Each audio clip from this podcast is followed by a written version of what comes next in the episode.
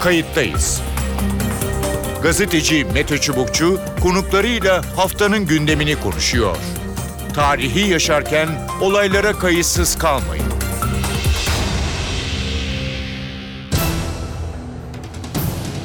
İyi günler. Bir kayıttayız programıyla daha karşınızdayız. Tarihe ışık tutmak ve olan biteni anlamak için önümüzdeki yarım saat sizlerle birlikte olacağız.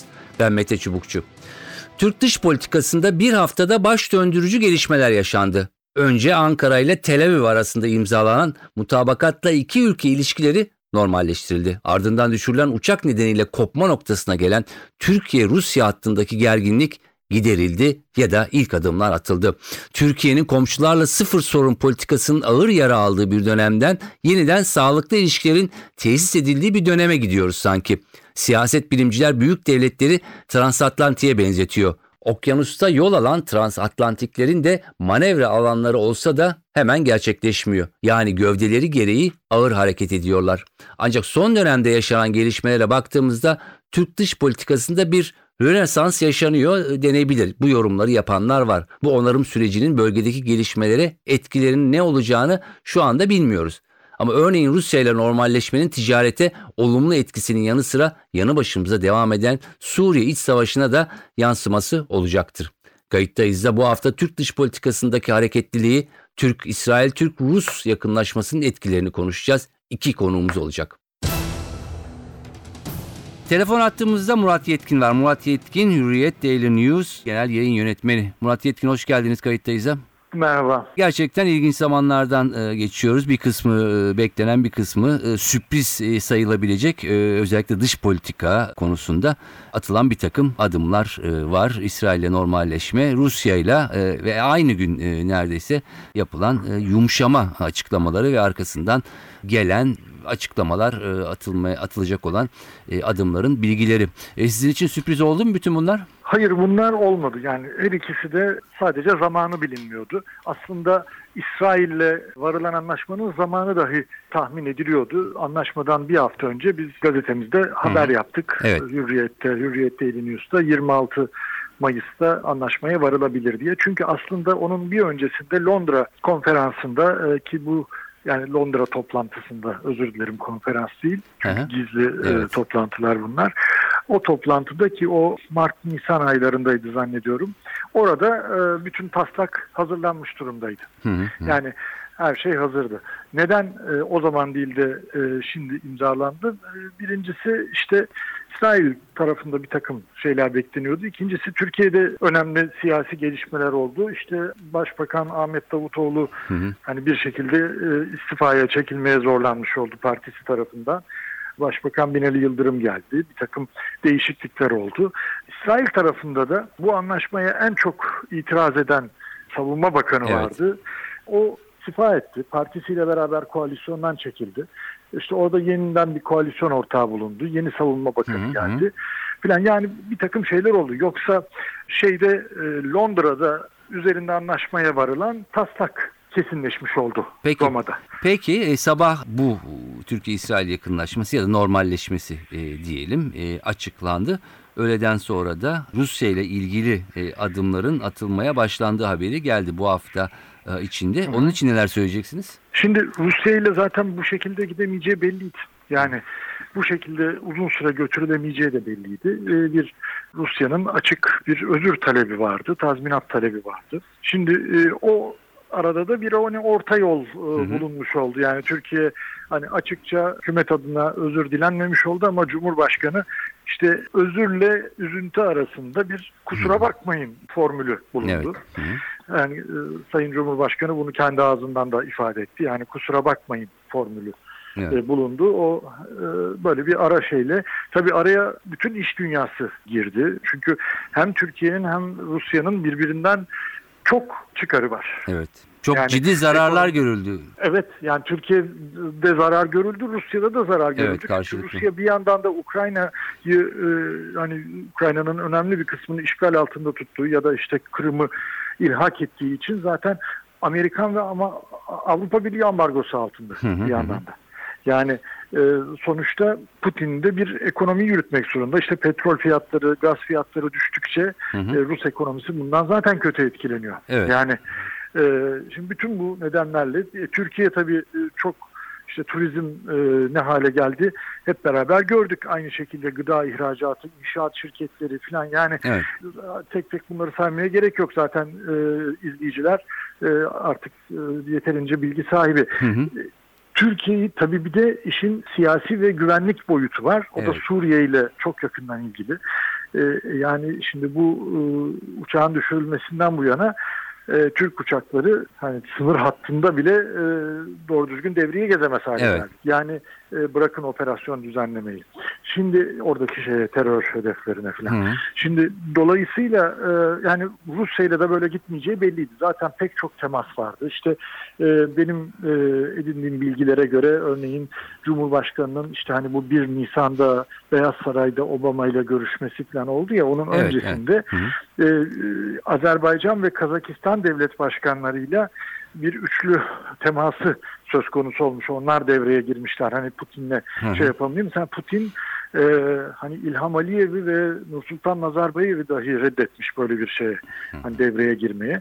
İşte bir takım iş dünyasından devreye girişler falan oldu her iki taraftan da. hı. E, ve neticede böyle bir mektup yazılması ve ardından da ona bir telefonla cevap verilmesi Evet. üzerine bir şey sağlanıyor, e, görüş birliği sağlanıyor ve hani onlar o adımlar atıldı. Yoksa Rusya ile de bu şeyin e, yani olacağı mukadderdi, mutlaka olacaktı. Hı hı. Zamanlama meselesi vardı. İşte bu zamanda oldu. Peki e, bu iki gelişmenin üzerine yeni bir gelişme önümüze çıkabilir mi? E, bir de bu atılan adımlar yeni bir dönemi mi e, dış politikada e, bir takım değişiklikleri mi e, gösteriyor bize? Ne dersiniz? gösteriyor ve o değişiklikler e, aslında geçen sene bu zamanlar başladı. Çünkü. Türkiye'nin İncirlik üssünü bu Amerikan e, öncülüğünde Irak ve Şam İslam Devleti isimli bu terör örgütünün ne operasyonlara açması aslında bu dönemin başlangıcıdır. Hı hı. Yani ve Türkiye'ye yönelik işte IŞİD eylemlerinin de PKK'nın yeniden eylemlere başlamasının da bu e, üssün açılmasından sonraya hemen sonrasına hatta Hı hı. e, denk gelmesi de bir tesadüf değildir. Evet. E, yani tamamen hani kronolojik şeyler var, bilgiler var ortada. Şimdi e, oradan itibaren bir şey vardı yani zaten bir manevra çabası vardı. Çünkü Suriye politikası şeyi ayırarak söylüyorum. Yani mültecilere Türkiye'nin kapılarını kucaklarını ki. açmasını falan. Bunu insani boyutunu ayırarak söylüyorum. Ama siyasi ve güvenlik olarak Suriye politikası iflas etmişti zaten. Hı hı. Yani hani karaya oturmuştu gemi. Hani daha e, hani diplomatik olmayan laflarla söyleyelim. Evet. Ama yani onun bunu zaten yani sürdürülebilir olmaktan çıkmıştı. Şimdi sürdürülebilir olmaktan çıkınca tabii bunun Türkiye'ye yansımaları da işte bu terörizm şeklinde baş- başka bir sürü şekilde oldu. Onun e, şey hani faturasının e, maalesef bize biz de ödüyoruz. Hani başkaları da ödüyor, biz de ödüyoruz. Hı hı. Dolayısıyla o bakımdan da Rusya ile ilişkilerin e, düzelmesinin bir anlamı e, olacaktır mutlaka Türkiye için. Tabii bunun İran boyutu e, bir sonraki adımda yani İran'la ilişkilerimiz zaten kopuk değil ama sonuçta Suriye'de de Irak'ta da İran'ın desteklediği kesimler, gruplarla Hı hı. Türkiye'nin desteklediği kesimler, gruplar karşı karşıya. Hani vekaletler savaşı denilen e, bir şey aslında orada sürüyor bir yandan. Ama Türkiye'nin e, hani yeni dönemin karakteristikleri e, işte şeyin e, Sayın Binali Yıldırım Evet. e, hani dostlarımızı artıracağız dedi. E, çünkü o dostlarımızı kaybetmiştik. Yani zaten onlar kendi kendilerine gitmediler. Evet. Şimdi Mısır'dan söz ediliyor. Evet. Şeyden söz ediliyor. Yani oraya çok kişi bakmıyor ama bu Avrupa Birliği ile vize anlaşması işte Hı hı. terörizme, terör yasasının değişikliğine bağlı. Orada e, bana gelen işaretler yani henüz bu e, kesinleşmiş değil. Olsa zaten yazarım Hı hı. e, gazetede. Ama sanki orada da bir takım ara formüller üzerinde çalışılıyor Evet. gibi. Brüksel'den aldığımız şeyler, işaretler Hı hı. bu yönde. Kıbrıs'ta bir şey olur mu? Olur mu? Evet. Şimdi oraya bakmak lazım. Çünkü Kıbrıs'ta sadece Avrupa Birliği'nin etkisi yok. Kıbrıs'ta belki daha büyük etki Rusya'nın. Evet. Çünkü Kıbrıs ekonomisi diye bir şey yok. Yani Rum kesiminden söz ediyorum. Yani Türk kesiminde de e, aynı şekilde bağımsız bir ekonomi, Hı hı. ekonomik hayat yok. Türkiye'den bağımsız bir ekonomik hayat yok ama Kıbrıs Rum kesiminin ekonomisi Yunanistan'a değil Rusya'ya bağlı. Evet. Yani Rusya'da çok, çok açık biliniyor ki işte orada bir para aklama e, şeyi Hı hı. var. İşte Avrupa Birliği üyesi ülke olmasına rağmen Rusya Avrupa Birliği ambargosu altında olmasına rağmen Rum hükümeti işte gemilerini e, Rus savaş gemilerine şey özür dilerim limanlarını Limanlara. Rus savaş gemilerine açmış Evet. durumda. Yani orada Larnaka limanında duruyor işte Rus savaş gemileri yani fotoğraflarını da yayınlıyorlar. Hı hı. Yani şimdi bütün e, bunlar e, birbiriyle etkili şeyler ve tabii bu e, üçgeni tamamlayacak olan şey bir de gaz e, meselesi, var. Meselesi Çünkü doğru. İsrail zaten e, Türkiye üzerinden Avrupa'ya satmak istiyor. Bakın hı. daha alan geliştirmeye yani gaz sahalarını geliştirmeye başlamadılar. Çünkü o da bir yatırım işi. Onun pazarını bulmadan yapamıyorsun. Doğru. E, Kıbrıs Rum hükümeti şey yaptı. iki ayrı e, fizibilite, yapılabilirlik çalışması yaptırdı. Biri Fransız Elf şirketine meşhur. Hı hı. Diğeri de İtalyanların en iyi şirketine. İkisinde de olumsuz rapor verildi. Yani Kıbrıs açıklarındaki, Kıbrıs'ın Rum kesiminin açıklarındaki e, gaz yatakları e, Kıbrıs'ta bir sıvılaştırılmış doğal gaz tesisi inşasını karlı duruma getiremiyor. Evet, yani o kadar çok Hı hı. değil. Dolayısıyla mecburen boru hatlarıyla bunu nakledecekler. E boru hatlarıyla da Kıbrıs'ın e, Yunanistan anakarasına e, uzaklığı e, Türkiye ile olan uzaklığının 5-6 katı Çok, neredeyse. evet. Yani e, dolayısıyla böyle bir takım zorlayıcı faktörler var. İşte su sıkıntısı var arada. İşte Türkiye oraya boru hattını döşedi. Bir türlü şu anda kullanılamıyor hukuki sebeplerden ama e, neticede böyle şeyler de var. Yani orayı da Ee, içine alacak bir takım gelişmeler bizi bekliyor.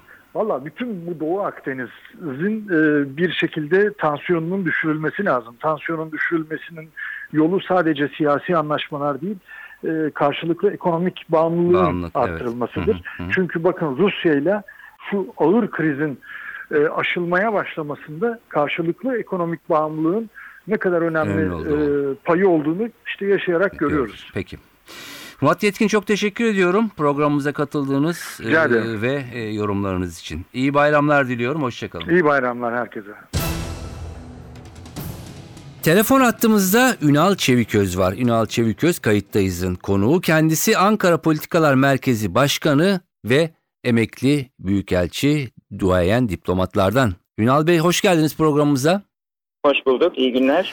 İyi günler. Son e, günlerde hatta son bir haftadaki gelişmeleri değerlendirmek e, istiyoruz. E, İsrail arkasından Rusya hatta aynı güne denk gelen e, açıklamalar gerçekten birçok kişi için sürpriz oldu ama siz tabii ki e, diplomasinin e, koridorlarından geliyorsunuz. Siz ne düşünüyorsunuz bu iki e, gelişme ya da normalleşme ne diyeceksek e, sizin için sürpriz oldu mu?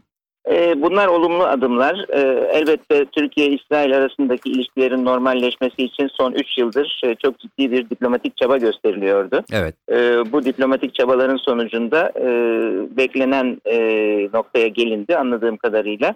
Ve Hı hı. iki ülkenin Dışişleri Bakanlıkları arasında müsteşarlar tarafından bir mutabakat imzalandı. İki başbakan da bunu zaten açıkladılar Hı hı. birkaç gün önce. Hı hı. Bu olumlu bir gelişme. Tabii e, arada 6 aylık bir e, soğuk dönem var. E, Türkiye-İsrail arasındaki ilişkilerin 6 aylık bir kesintiye uğramış olması. 6 yıllık E, pardon 6 yıllık Evet. evet, 6 yıllık bir kesintiye uğramış olması e, bu ilişkilerin normalleşmesiyle birlikte hemen birdenbire her şeyin güllük gülistanlık olabileceği anlamına gelmiyor. Hı hı. Ee, öncelikle karşılıklı olarak yitirilmiş bir güven var. Ee, ve aradan geçen 6 yıl zarfında e, bu e, güvenin e, bir şekilde soğumuş olmasını düşünmek lazım. Onun için normalleşmenin başlamasıyla birlikte tekrar bu güvenin kazanılması için bir çaba göstermek gerekiyor. Hı hı. Ee, zamanla yavaş yavaş tekrar Türkiye-İsrail ilişkilerinin normale doğru döneceğini e, umuyorum. Hı hı. Çünkü e, Doğu Akdeniz'de bu iki ülke e, bence güvenlik açısından ve bölge dengeleri açısından fevkalade önemli, Önemli. iki ülkedir. Hı hı. Onların arasındaki ilişkilerde Doğu Akdeniz'in e, dengeleri açısından fevkalade e, önemlidir. Peki. E, ben bunu bir olumlu gelişme olarak e, Hı hı. görüyorum. Peki.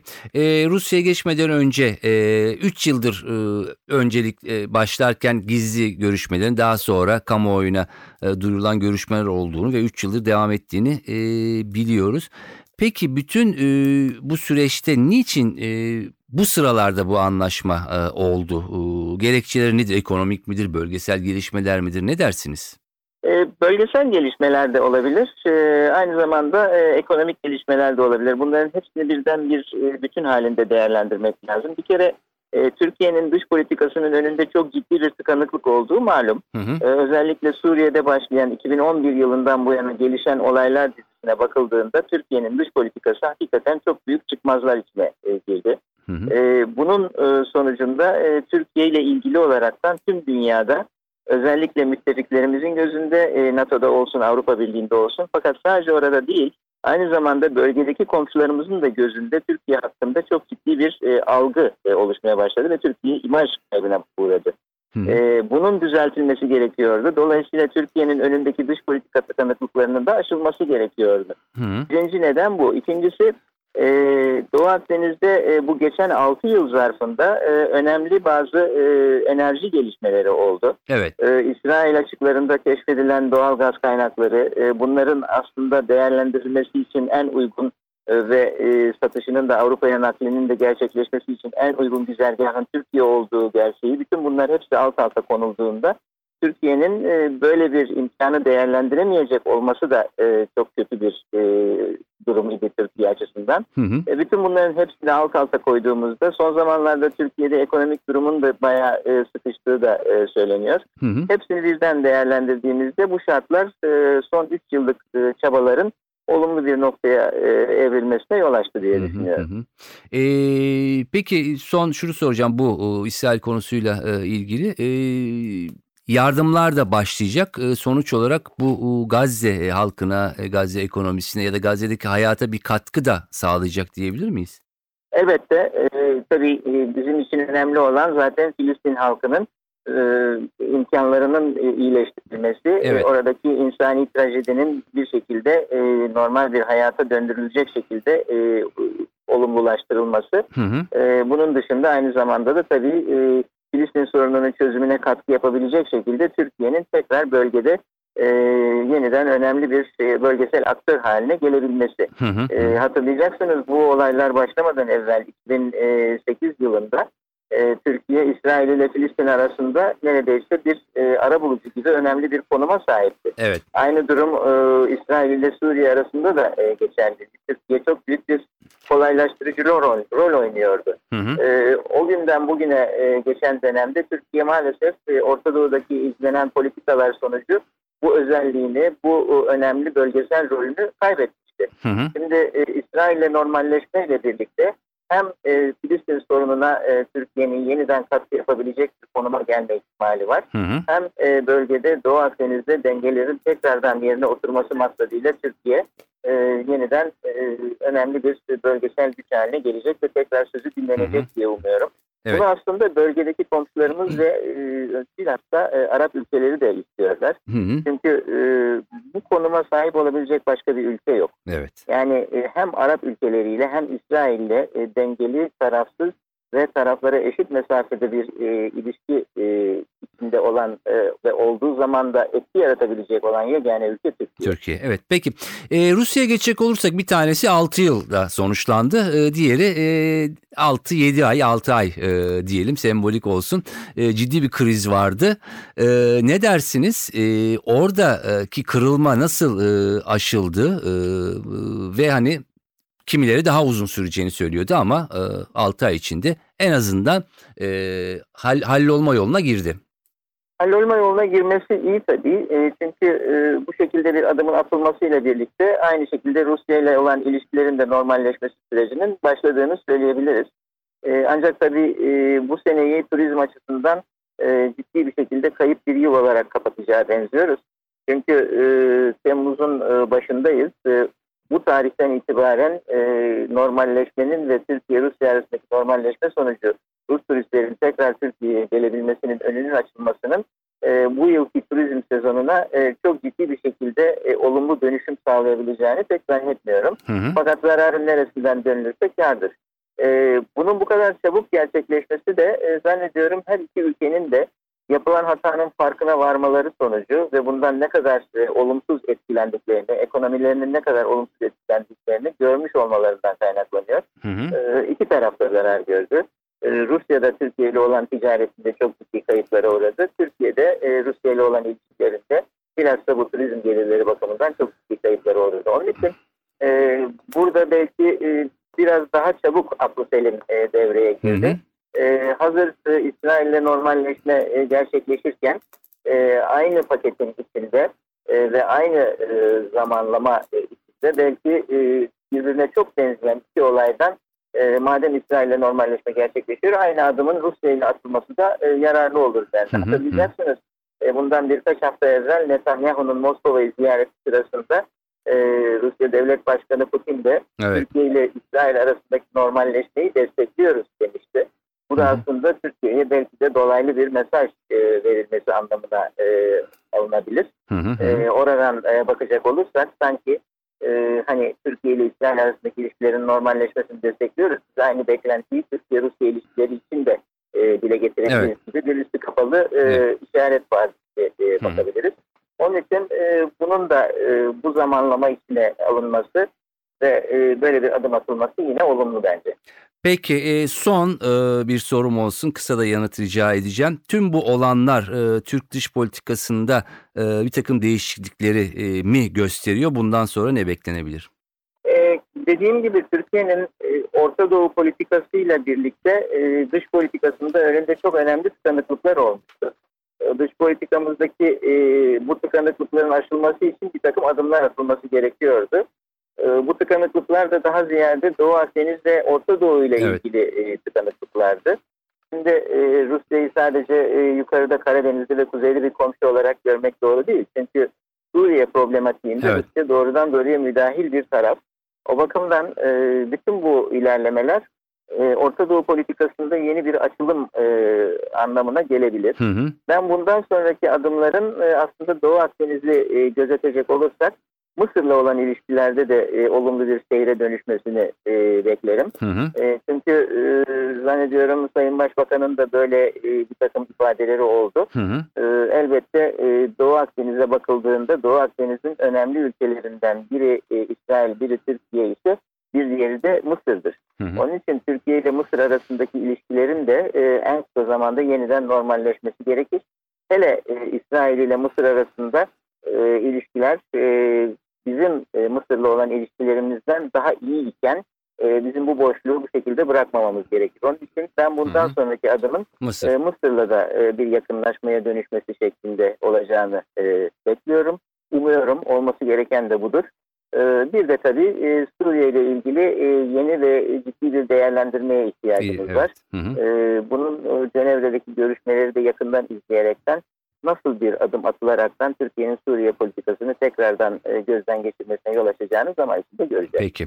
Ünal Bey çok teşekkür ediyorum programımıza Rica katıldığınız ve görüşlerinizi pa- paylaştığınız Rica için. ederim. Çok çok teşekkür ederim. İyi günler, iyi bayramlar dilerim. Çok teşekkür ediyorum. Ünal Çeviköz, Ankara Politikalar Merkezi Başkanı ve emekli büyükelçilerdendi. Evet yorumlar böyle. Türk dış politikasında yeni bir dönem başlıyor denilebilir. Eski e, bir takım kırıklıklar ya da çatlaklar tamir edilmeye bazı ilişkiler İsrail'le olduğu gibi Rusya ile olduğu gibi ki birisi daha uzun sürdü normalleştirilmeye çalışılıyor. Bundan sonra sırada farklı ülkeler ve farklı ilişkilerin normalleşmesi de söz konusu olabilecek yapılan yorumlar gereği.